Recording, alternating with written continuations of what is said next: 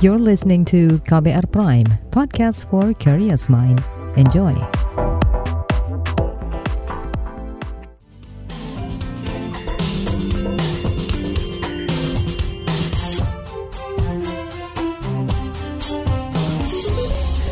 Saatnya Anda dengarkan Ruang Publik KBR yang dipersembahkan oleh Badan Pusat Statistik BPS.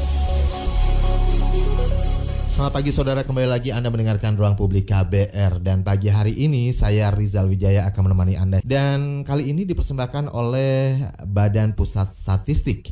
Kita akan ngobrolin tema hari ini mengenai BPS Jamin Kerahasiaan Data Sensus Penduduk 2020 Baiklah, Saudara Badan Pusat Statistik BPS kembali menyelenggarakan sensus penduduk 2020 Salah satu metode yang digunakan adalah dengan sensus penduduk online melalui laman sensus.bps.go.id.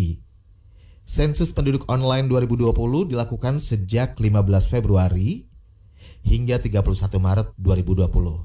Sebelum sensus lapangan yang akan dimulai di bulan Juli esok. Sejauh ini, bagaimana tingkat partisipasi masyarakat dalam mengikuti sensus penduduk online yang sudah berlangsung? Lalu, apa saja kendala yang dihadapi dan bagaimana dengan jaminan keamanan dan kerahasiaan data diri yang diinput dalam sensus penduduk online? Kita akan cerita tahu lebih dalam bersama salah satu uh, perwakilan dari BPS dan hari ini kita berkesempatan sekaligus langsung dengan Direktur Sistem Informasi Statistik Bapak Dr. Muhammad Ramzi. Saya akan sapa melalui saluran telepon. Halo selamat pagi Pak. Pak Muhammad Ramzi. Selamat pagi Mas Rizal. Assalamualaikum Pak. Waalaikumsalam warahmatullahi wabarakatuh. Iya, ini kerja dari rumah ya Pak ya? Betul Mas Rizal, working from home. Baiklah, dan iya. tetap sehat ya Pak ya? Amin, amin. Sama-sama Mas Rizal. Saling mendoakan dan saling menguatkan. amin, amin. Baik, mungkin Siap. sebelum kita ngobrolin soal sensus penduduk nih Pak, ada yang mau disampaikan terlebih dahulu terkait dengan uh, wabah virus uh, COVID 19 saat ini yang mewabah di seluruh dunia termasuk di Indonesia? Iya, Mas Rizal. Kami, eh, saya pribadi turut prihatin ya dengan kondisi yang menimpa negara ini. Tapi ini eh, pandemik internasional gitu kan, seperti yang disampaikan oleh uh, eh, WHO gitu. Cuman mm, tentunya kondisi seperti ini harapannya tidak berlangsung lama kita uh, berharap negeri ini bisa kembali normal sesegera mungkin gitu. Nah memang pemerintah sudah uh, melakukan antisipasi gitu ya. Tapi yang paling penting adalah uh, masyarakat kita semua yang harus mendukung himbauan atau ajakan dari pemerintah untuk tinggal di rumah, kerja di rumah, belajar di rumah. Begitu Mas Rizal. Baik. Ya, semoga semuanya segera berakhir wabah virus COVID-19 ini ya, Pak ya. Amin, Baik. amin. Sekarang uh, saya ini akan mengajak masyarakat untuk cari tahu lebih dalam mengenai sensus penduduk yang diselenggarakan di tahun 2020 ini bersama BPS. Nah, uh, Pak Ramzi, ya, sensus siap. penduduk online. Ini kan sudah dilaksanakan sejak 15 Februari lalu ya. Benar. Nah, sejauh ini bagaimana animo masyarakat nih dari uh, respon masyarakat yang masuk selama ini? Sejauh ini. Iya, Mas Rizal. Ini alhamdulillah banget ya. Uh, respon masyarakat itu luar biasa gitu. Jadi sebenarnya uh, kan kami menawarkan alternatif SP online ini itu uh, karena satu di antaranya adalah literasi digital masyarakat Indonesia itu cukup tinggi. Tetapi eh, dalam kajian yang pernah saya baca gitu ya, kebanyakan tidak hanya di Indonesia saja sih Mas Rizal gitu ya. Kebanyakan ketika mereka itu lagi online, itu hanya akses sosial media, online shopping, atau berita-berita online gitu ya. Jadi untuk uh, dorongan untuk masuk mengisi satu halaman yang meminta gitu oh, masyarakat ngisi sesuatu itu sebenarnya uh, se uh, sepertinya perlu dibutuhkan dorongan tambahan.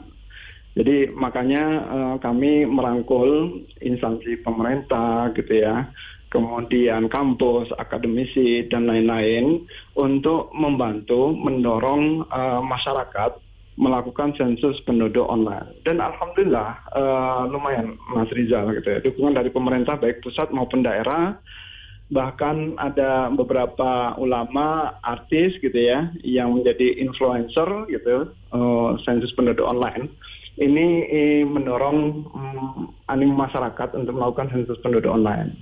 Jadi eh, kita punya kegiatan yang namanya ngibar ngisi bareng gitu ya di eh, dinas di kampus gitu itu uh, lumayan itu bisa mendongkrak uh, respon rate um, terhadap sensus, sensus penduduk online ini Mas Rizal. Jadi animonya sangat besar ya? Alhamdulillah Mas Rizal. Karena uh, tingkat literasi masyarakat terhadap penggunaan internet di Indonesia sudah lumayan tinggi, begitu ya Pak ya? Betul, ya? betul, betul. Nah, ini mewakili masyarakat yang mungkin masih belum mengetahui, belum paham benar nih manfaat sensus penduduk yep. itu sendiri seperti apa sih? Bisa dijelaskan manfaat dari sensus penduduk? Siapa saja yang akan menerima manfaat dari hasil data yang diperoleh dari uh, SP 20, 2020 ini? Iya, baik Mas Rizal. Jadi sebenarnya penerima manfaat itu ada beberapa elemen ya Mas Rizal. Jadi pertama pemerintah sendiri gitu ya. Jadi pemerintah itu uh, mau bisa memanfaatkan data hasil sensus penduduk ini untuk pengambilan keputusan dalam perencanaan kebijakan pembangunan sekaligus evaluasinya. Kemudian juga akademisi itu uh, mereka bisa melakukan kajian-kajian program pembangunan wilayah dan sebagainya gitu. Dan yang paling penting adalah uh, value atau ma manfaat uh, dari sensus penduduk ini buat masyarakat itu apa gitu. Nah, di dalam sensus penduduk ini Mas Rizal itu ada uh, variabel atau ada data NIK nomor induk kependudukan yang hmm, saat ini dijadikan oleh pemerintah sebagai entitas dasar pelayanan publik untuk seperti pendaftaran CPNS, hmm. BPJS dan uh, rekening bank gitu. Yang semuanya jadi, terintegrasi ya. Benar. Jadi eh, harapannya dengan update melalui sensus penduduk oh, ini khususnya sensus penduduk online itu uh, masyarakat akan bisa mendapatkan kemudahan dalam pelayanan publik nantinya. Begitu Mas Riza. Baik. Nah, ini yang didata dalam sensus penduduk ini siapa saja sih? Maksudnya ada syarat tertentu atau mungkin semua penduduk termasuk uh, balita yang ada di rumah? Iya. iya. Jadi uh, ini kita punya prinsip no one left behind gitu ya. Jadi semua masyarakat Indonesia yang ada uh, di Indonesia ya, masalah warga yang ada di Indonesia yang sudah tinggal uh, satu tahun um, minimal atau lebih sama masyarakat luar negeri warga negara asing yang juga tinggal di Indonesia uh, kurang lebih eh, satu tahun. Kalau misalkan kurang dari satu tahun, tapi dia menyatakan berkeinginan untuk uh, tinggal lebih dari satu tahun itu juga menjadi target daripada sensus penduduk kali ini, Mas Rizal. Oke, jadi kalau untuk WNA yang tinggal di Indonesia itu uh, minimal satu tahun gitu ya? Benar, benar. Baik, baik, baik, baik. Nah, ini kan tadi uh, Bapak sudah menyinggung di depan ya yang mengikuti SP online dari respon Betul. yang masuk iya. itu respondennya itu udah uh, sangat tinggi ya. Nah, iya. boleh dikasih tahu nih data-data yang sudah masuk sudah berapa persen jumlah responden dari target yang dicapai? Apakah masih jauh? Iya. Jadi eh, sudah hampir 7 persen okay. dari target optimis kita. Target uh, optimisnya berapa, Pak? Dua dua koma sembilan persen Mas Rizal. Dua dua koma sembilan persen. Ini ini untuk memotivasi kita ya supaya kita ini. Tapi sebenarnya ada uh, target ya katakanlah target uh, pesimis gitu ya. Ini tujuh persen itu udah alhamdulillah uh, menurut kita. Jadi sudah sekitar tujuh juta kepala keluarga yang sudah mencatatkan dirinya di sensus penduduk on online atau sekitar 25,8 juta penduduk Mas Rizal gitu ini eh, luar biasa Mas Rizal gitu. Oh, dibandingkan dengan negara lain gitu ya. Oh, hampir sebulan aja seperti Amerika Serikat itu oh, 10 juta nggak nyampe itu. Hmm. Jadi kita itu luar biasa ini sudah sampai sekitar eh, uh, 26 jutaan ya penduduk yang terdaftar gitu sudah. Kira-kira faktor apa nih yang mendorong sehingga masyarakat Indonesia sangat antusias, apalagi kalau tadi disampaikan dibanding negara lain kayak Amerika aja nih kita termasuk iya. cepat gitu ya. Iya. Padahal Jadi untuk penggunaan SP online ini sendiri penerapannya kan termasuk telat di Indonesia bukan? Iya, ini, ini ini memang baru ya, eh, Mas Rizal dibandingkan negara-negara lain. Betul. gitu Ya. Tapi eh, ada juga sih negara-negara lain yang sama seperti kita yang Hmm. masih baru mulai gitu ya. Cuman memang eh, kita punya resources yang semangatnya luar biasa Mas Rizal gitu. Jadi gerakan teman-teman di daerah gitu ya, terutama gitu ya, merangkul pimpinan eh, wilayah gitu seperti gubernur, bupati, wali kota gitu yang bisa mengajak eh, eh, apa paling enggak pegawai di lingkungannya gitu sama masyarakat di sekitarnya itu luar biasa itu yang mendorong eh, masyarakat untuk eh, termotivasi melakukan mm, pendataan di sensus penduduk online ini. Jadi eh, selain dorongan itu ya eh, ada edukasi-edukasi juga yang kita lakukan gitu ya, Sosialisasi. yang membuat ya membuat masyarakat aware dan meningkatkan memang ini menjadi momen yang bagus juga bagi kita untuk eh, mengedukasi masyarakat tentang pentingnya data gitu Mas Rizal. Nah, ini dari data yang masuk ya Pak ya dari 7% Iya. tadi. Eh, sebarannya apakah sudah menyeluruh di seluruh Indonesia? Apa hanya misalnya di Jawa saja dominan atau seperti apa sih? Ini alhamdulillah sudah menyeluruh Mas Rizal gitu ya. Bahkan ada beberapa provinsi yang sudah memenuhi target masing-masing gitu. Nah ini eh, kan memang semua tergantung pada kondisi geografis, Betul. kondisi demografi masyarakat di masing-masing gitu ya. Ada yang pasang tinggi, ada yang pasang moderat, ada yang eh, ya seperti itulah me- eh, melihat situasi dan kondisi di lapangan gitu. Jadi eh, alhamdulillah ini sudah merata gitu. Eh, seluruh Indonesia sudah eh, lumayan itu day to day-nya mm, targetnya alhamdulillah. Oke. Nah, Pak, ini kan yang namanya internet. Ini yang biasanya akrab dengan penggunaan internet, pemakaian internet adalah eh, kaum milenial atau anak-anak muda Betul. gitu ya, boleh dibilang ya. Betul. Sementara Iya. orang yang mungkin lanjut usia tidak begitu atau mungkin boleh dibilang gaptek gitu. Iya. Gagap teknologi ya kan? Iya. Karena tertinggal jauh dengan yang muda-muda. Ini gimana? Apakah eh, menjadi satu apa ya? tantangan tersendiri nih untuk keberlangsungan eh, SP online ini, sensus penduduk online. Iya, jadi eh, dalam mekanisme sensus penduduk online ini Mas Rizal gitu, itu eh, kalau misalkan mm, orang tuanya itu sudah sepuh gitu ya, eh, gaptek gitu, kan nggak bisa ya eh, melakukan mm, sensus penduduk online. Tapi kalau dia punya anak gitu yang tadi Mas Rizal bilang mm, masuk dalam kelompok milenial, anak ini bisa membantu keluarga untuk mencatatkan dirinya di sensus penduduk online ini. Jadi satu orang mm, dalam satu keluarga gitu ya, itu bisa mewakili individu-individu yang ada dalam keluarga tersebut untuk eh, bisa mencatatkan dirinya di sensus penduduk online ini, Mas Rizal. Jadi nggak eh, nggak masing-masing gitu. Oh, oh, Oke. bapaknya sendiri, ibunya sendiri gitu ya, sendiri-sendiri gitu enggak. Jadi eh, salah satu yang bisa gitu itu eh, diharapkan bisa membantu yang lainnya untuk memberikan informasi di ESP ini gitu Mas Rizal. Ya, artinya salah satu perwakilan yang mungkin menguasai teknologi internet gitu ya. Betul. Sehingga menginput Iya. data cukup satu orang saja yang menginput data. Yang penting datanya benar, Benar. semuanya gitu ya Pak ya kira-kira iya ya. benar. Baik, dan saya penasaran nih, ini kan bukan hal yang mudah ya, terutama untuk SP online. Kalau eh, sensus penduduk yang dilakukan secara door to door itu kan kayaknya udah berlangsung dari tahun ke tahun dan pengalamannya udah banyak nih. Benar, Nah, benar. ini kan butuh apa ya? Butuh sosialisasi yang lebih ya kan, edukasi ke masyarakat seperti tadi disampaikan dibantu oleh eh, seperti kepala daerah. Nah, Benar. kalau dari BPS sendiri nih, dari BPS sendiri eh, bentuk sosialisasi yang sudah dilakukan selama ini sehingga masyarakat eh, tingkat literasinya tinggi terhadap keberlangsungan sensus penduduk ini seperti apa?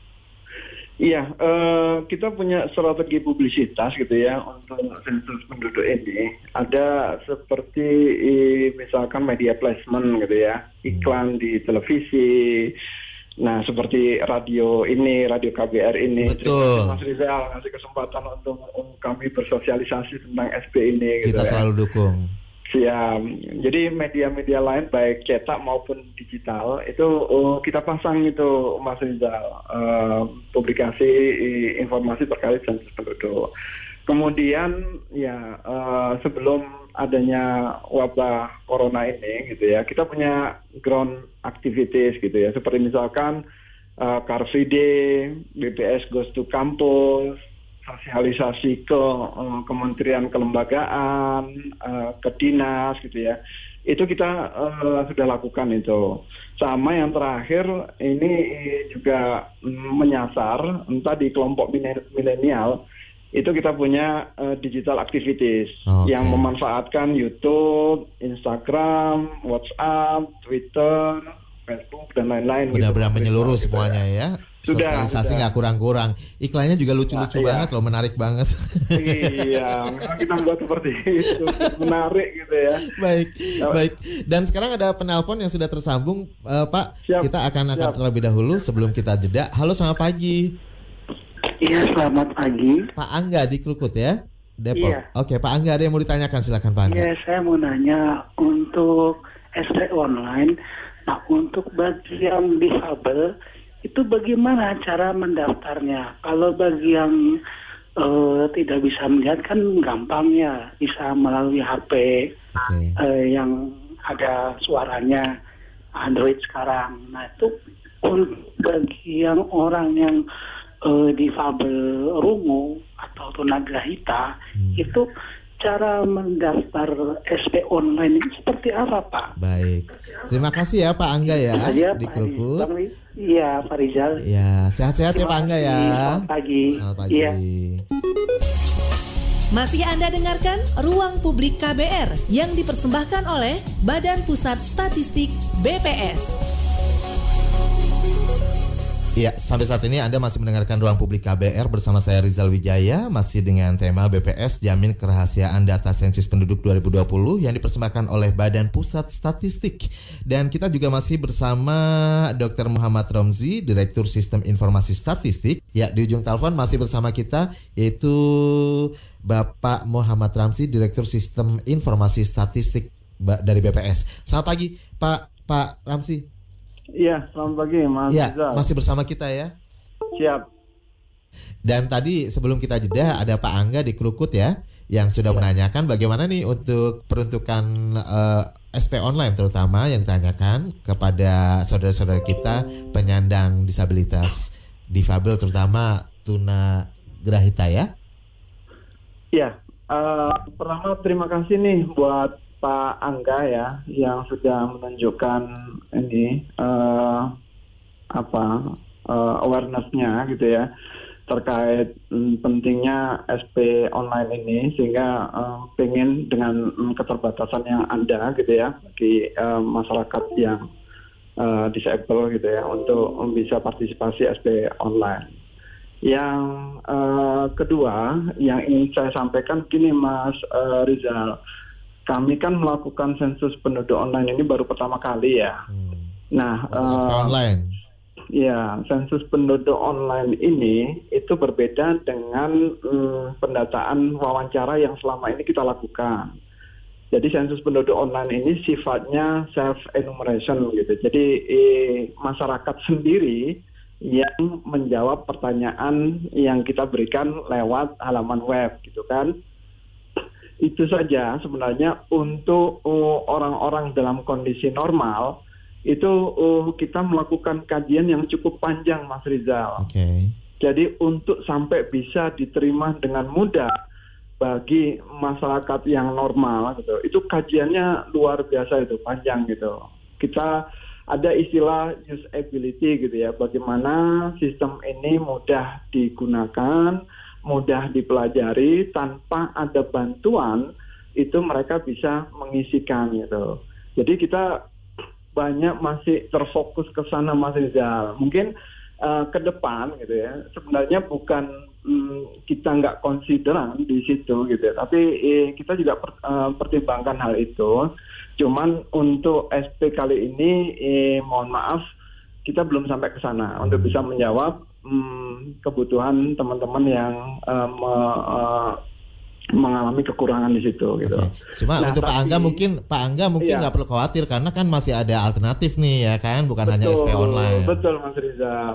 Ya, jadi masih ada alternatif bagi yang tidak bisa melakukan pendataan SP online karena ini bukan satu-satunya moda yang kita tawarkan. Jadi eh, nanti insya Allah mudah-mudahan Mas Rizal ya kondisi negeri ini semakin membaik gitu ya. Wabah eh, corona eh, sudah bisa dihandle dengan baik sehingga bulan Juli nanti kita bisa melakukan pendataan face to face pendataan tatap muka yang ada petugas dari kami akan mendatangi gitu ya orang-orang seperti yang eh, disampaikan oleh Pak Angga tadi gitu. Begitu. Baik, jadi Pak Angga tinggal tunggu aja di rumah, duduk manis, Betul. nanti ada petugas yang akan datang menyapa Pak Angga Betul. dan wawancara ya Pak Angga ya, jangan kaget nanti kalau tiba-tiba datang. Ya. Mulai bulan Juli ya Pak ya? Juli insya Allah mudah-mudahan kondisi semakin membaik ya Mas Rizal. Iya ya. kita doakan yang terbaik lah biar tidak berdampak ya. juga terhadap keberlangsungan ini SP ini ya. Baik, Siap. Eh, Pak, ini kan tentunya banyak tantangan ya dengan berlangsungnya Iya. SP online ini. Seperti tadi sebenarnya udah ada beberapa ya- yang disinggung. Apa saja sih kendala atau permasalahan yang mungkin dirasakan oleh masyarakat untuk mengikuti sensus ini, SP online terutama kelengkapan datanya mungkin atau masih bingung bagaimana cara mengisi datanya atau seperti apa sih? Iya. Jadi eh, pertama eh, sebenarnya sederhana, cukup modal kartu keluarga ya Mas Rizal Hmm. sama eh, buku akte nikah gitu atau eh, cerai gitu. Itu karena ada pertanyaan terkait itu. Kalau kita punya eh, kartu keluarga itu ada di tangan saja gitu ya. Di situ ada nik sama ada nomor KK yang dibutuhkan untuk masuk eh, mencatatkan dirinya di sensus penduduk online ini. Cuman kadang ada orang yang sebenarnya siap untuk melakukan mm, sensus penduduk online, tapi kakaknya nggak nggak kebawa gitu. Hmm. Akhirnya batal gitu. Itu sering saya dengar dari teman-teman itu eh, itu eh, terjadi gitu. Nah sekarang kan mm, teman-teman kan banyak yang working from home ya, yang lagi kerja di rumah gitu. Nah sebenarnya momen ini tanpa mengurangi empati kita terhadap mm, wabah yang sedang menimpa negeri ini gitu ya.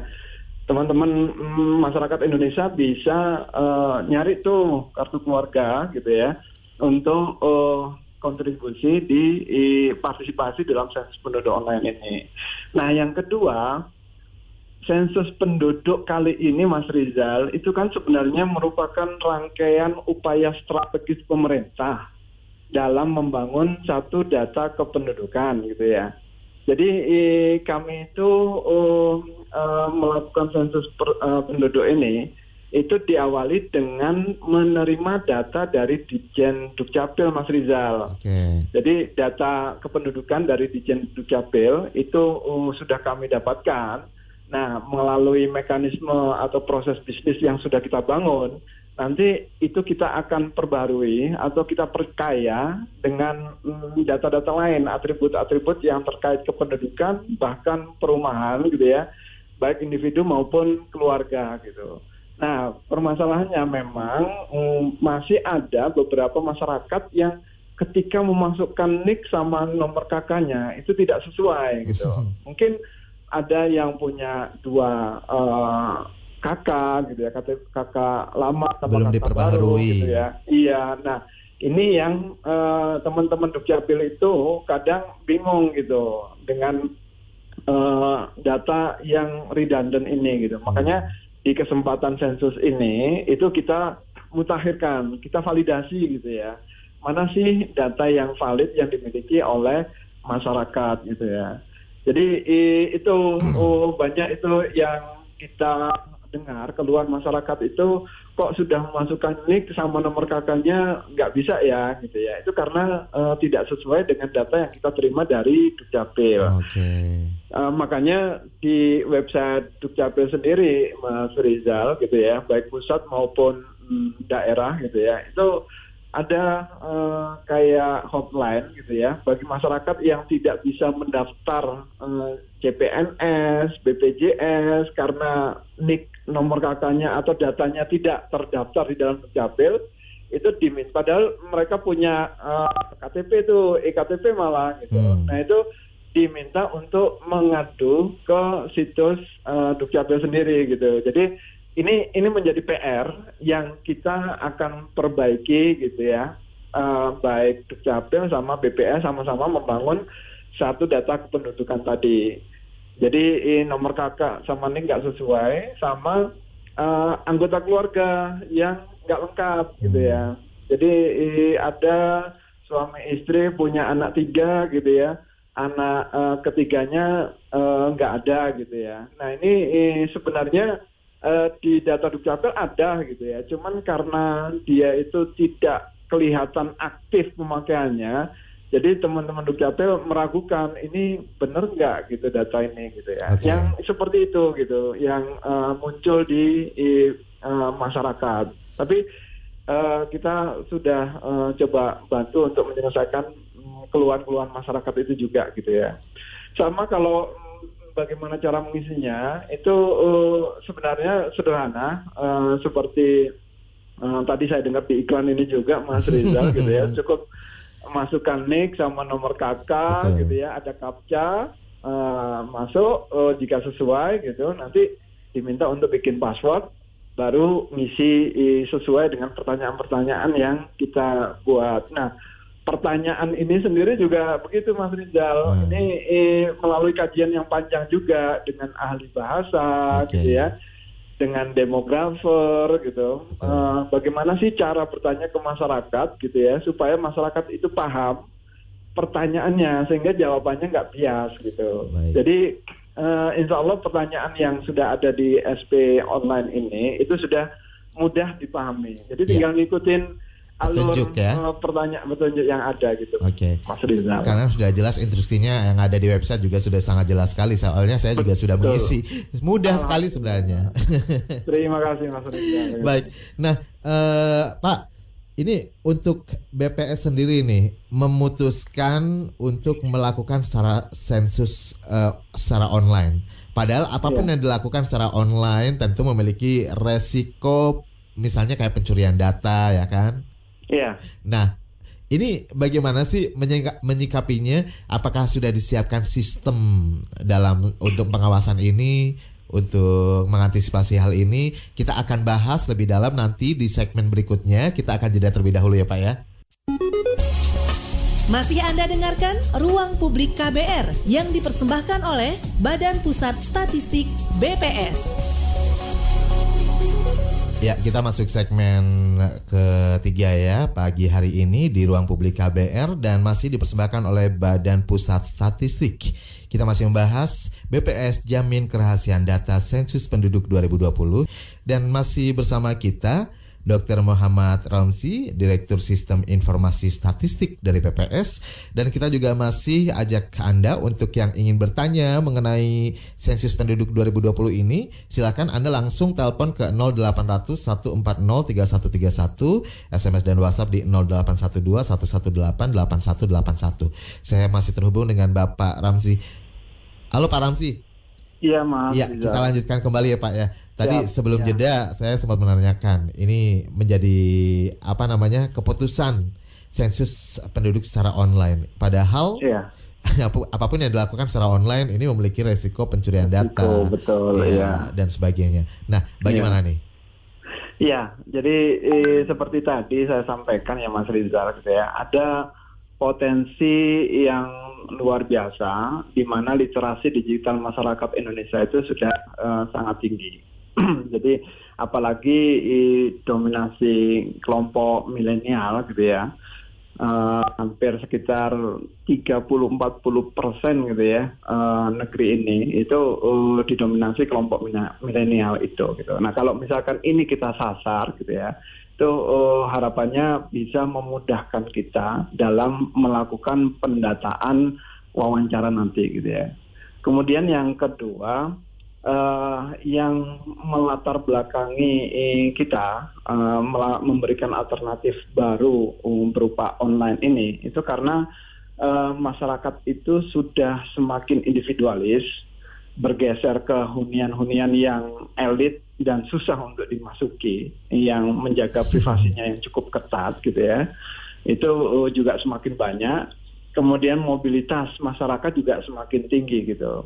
Itu uh, yang um, kita kesulitan untuk uh, mendata mereka uh, dengan pendekatan konvensional wawancara. Jadi ada uh, dorongan, constraint gitu ya, yang memaksa kita untuk melakukan ini. Tapi itu kita anggap sebagai potensi juga gitu ya, bahwa ada uh, literasi digital masyarakat yang um, sangat tinggi juga. Itu kita uh, mau jadikan sebagai uh, ini uh, faktor yang menjadi pemicu kita memberikan alternatif SP online ini.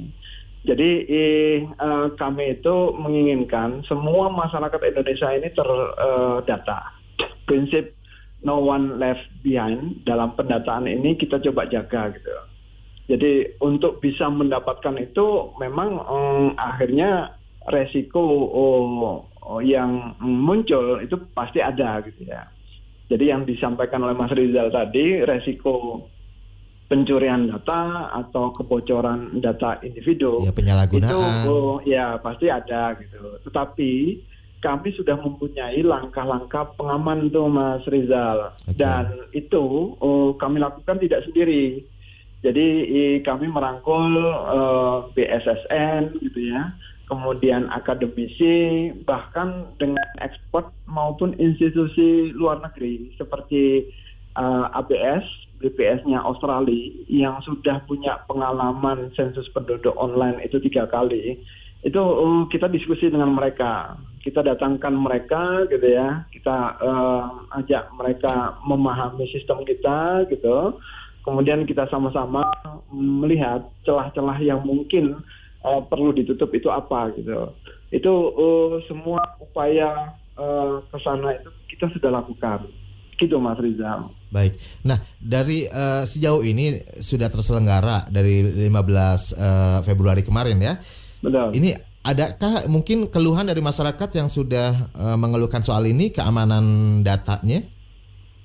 Ya, memang mm, di uh, kita kan punya call center ya jadi dari eh, pertanyaan atau oh, komplain gitu ya uh, masyarakat terkait uh, kerahasiaan data di sensus penduduk online ini itu memang cukup tinggi pertanyaan um, tentang paling banyak ya data ini. Iya, iya. Jadi eh, kami eh, sudah merespon menjelaskan seperti tadi yang saya jelaskan itu Mas Rizal gitu.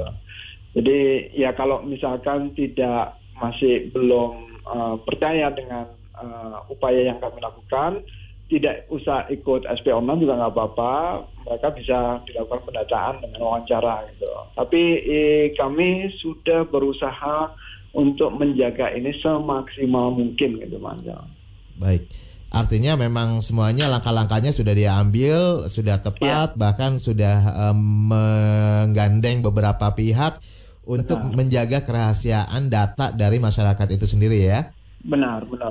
Baik. Dan artinya ketika uh, memberikan pilihan SP online ini ya dengan segala resikonya, kalau misalnya memang tidak mau mengikuti nggak masalah karena juga toh nanti bisa mengikuti untuk yang wawancara langsung gitu ya Pak maksudnya ya Pak? Benar, benar, benar ya. Tapi kalau yang, yang sudah mengikuti SP online ini uh, sudah tidak akan diikutkan dalam sensus penduduk langsung. Enggak. Jadi eh, uh, mekanismenya memang um, dua uh, pilihan gitu ya. Mau yang online hmm. atau mau yang wawancara langsung di bulan Juli gitu. Hmm. Jadi kalau uh, misalkan mereka sudah berpartisipasi di, di sampai insya Allah akhir Maret ini gitu, itu uh, kemungkinan um, besar tidak akan um, didatangin lagi pada waktu uh, wawancara nanti periode wawancara gitu Mas Rizal. Oke, gitu. baik. Dan sekarang saya akan coba bacakan satu persatu. Ini WhatsApp yang sudah masuk di 0812 118 8181. Ada Bapak Bima di Jakarta. Di tengah pandemi corona ini, apakah nanti BPS akan tetap melakukan sensus dengan cara datang ke rumah door to door?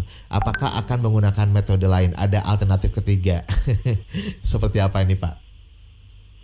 Iya, uh, jadi ini, ini kita sedang diskusikan gitu, ya, Mas Rizal gitu. Tentu uh, seperti yang tadi di awal saya sampaikan bahwa uh, kita harus mengikuti anjuran himbauan dari pemerintah gitu, uh, kerja di rumah, belajar di rumah gitu ya, nggak boleh eh, ya social distancing gitu, Betul. physical distancing itu kita harus lakukan gitu ya.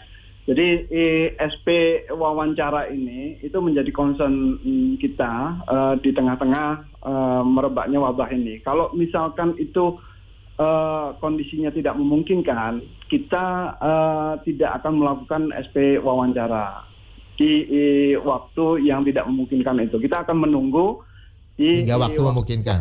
Yang memungkinkan. Ini eh, tentu uh, kita selalu uh, monitor gitu ya apa uh, yang disampaikan oleh pemerintah. Bahkan mm, mungkin mm, SP online itu uh, kita lanjutkan gitu, Mas Rizal gitu ya.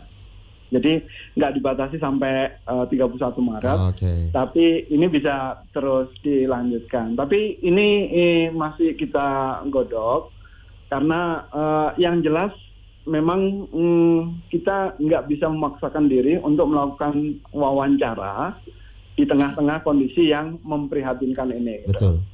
Betul. Saya setuju itu dengan Pak Bima. Tapi sebenarnya kan tadi sudah disampaikan bahwa uh, tidak mengurangi rasa empati gitu ya terhadap uh, mewabahnya virus corona di Indonesia ini. Justru ketika saat ini sedang di rumah saja, lagi menjalani jaga jarak gitu, jarak sosial. Betul, justru ini menjadi ya. momen sebenarnya ya Pak ya. Untuk Betul, berdiam diri di rumah daripada ya. bengong, daripada bingung mau ngapain, mending ya. coba ikutin SP online gitu kan? Iya, karena ini ini amanah bangsa ya Betul. Mas Riza. Untuk kebersamaan amanah kita. Yang tidak diemban sendiri oleh BPS saja gitu ya. Tapi oleh masyarakat juga harus uh, sama-sama uh, men mensukseskan sensus penduduk ini. Betul. Gitu. Benar Mas Riza. Karena manfaatnya juga bukan hanya untuk pemerintah tapi juga untuk masyarakat. Siap, betul. Baik, ada pertanyaan berikutnya. Ini ada apresiasi Pak dari Bapak Anton di Yogyakarta. Saya senang ada SP online ini, jadi bisa ngelakuin sensus sendiri di rumah. Yes. Terima kasih Pak Anton. Kemudian ada Tiara di Malang. Saya bolak-balik ingin melakukan sensus sendiri secara online, tapi nggak bisa masuk ke webnya. Akhirnya saya nggak jadi lakukan nggak jadi lakukan SP online. Saya menggunakan handphone. Apa memang tidak bisa melalui handphone? Mas Rizal, tadi seperti yang saya sampaikan ya, kita bikin uh, eh, SP online ini melalui kajian yang cukup panjang. Hmm. Karena apa? Karena kondisi uh, masyarakat itu uh, bermacam-macam, variasinya luar biasa. Jadi kita nggak tahu tuh nggak uh, bisa online-nya, nggak bisa aksesnya itu kenapa gitu ya. Itu uh, uh, kita nggak tahu kalau nggak dijelaskan dengan sejelas-jelasnya. Makanya ya? Makanya untuk Mbak Tiara sebenarnya uh, bisa kontak ke hotline kami Mas Rizal okay. gitu. Iya, jadi eh, nanti bisa ditanyakan gitu ya. Saya akses pakai handphone atau saya akses pakai laptop gitu ya. Kalau pakai handphone itu pakai browsernya apa gitu. Itu uh, uh, akan digiring gitu ya. Pertanyaan yang sampai uh, kita terbantu mengidentifikasi root cause-nya itu apa gitu. Baik.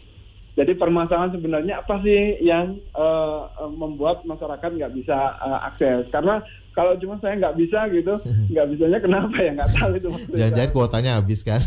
ah, ada juga yang seperti itu. Jadi semuanya sebenarnya sudah diantisipasi ya Pak ya. Tinggal benar. kalau ada keluhan pasti akan direspon dengan baik dan akan dibantu juga hingga sampai bisa gitu ya Pak ya. Iya, benar. Baik. Masih Anda dengarkan Ruang Publik KBR yang dipersembahkan oleh Badan Pusat Statistik BPS. Ya, kita sudah memasuki bagian akhir ruang publik KBR pagi hari ini bersama Badan Pusat Statistik BPS dan tema kita BPS jamin kerahasiaan data sensus penduduk 2020 dan bukan hanya ngomongin soal kerahasiaan data sensus penduduk ya kan, tapi juga uh, semuanya dibahas di sini secara detail. Karena mumpung hadir bersama kita melalui sambungan telepon yaitu uh, Dr. Muhammad Romsi, Direktur Sistem Informasi Statistik. Dan sekarang kita akan terhubung dengan uh, salah satu penelpon dari Papua, ada Bapak Taufik. Halo Pak Ramsi. Siap Pak Rizal. Ya, kita terhubung dulu dengan Bapak Taufik di uh, Papua ya. Selamat pagi ya. Pak Taufik, selamat siang kalau ya, di Papua. Iya, iya selamat siang. Ini perkenalkan saya Pak Taufik di Biak Papua. Silakan Pak Taufik. Uh, saya mau nanya, uh, sensus penduduk ini kalau kita daftar, kita mendapatkan asuransi tidak, asuransi kesehatan atau apa gitu.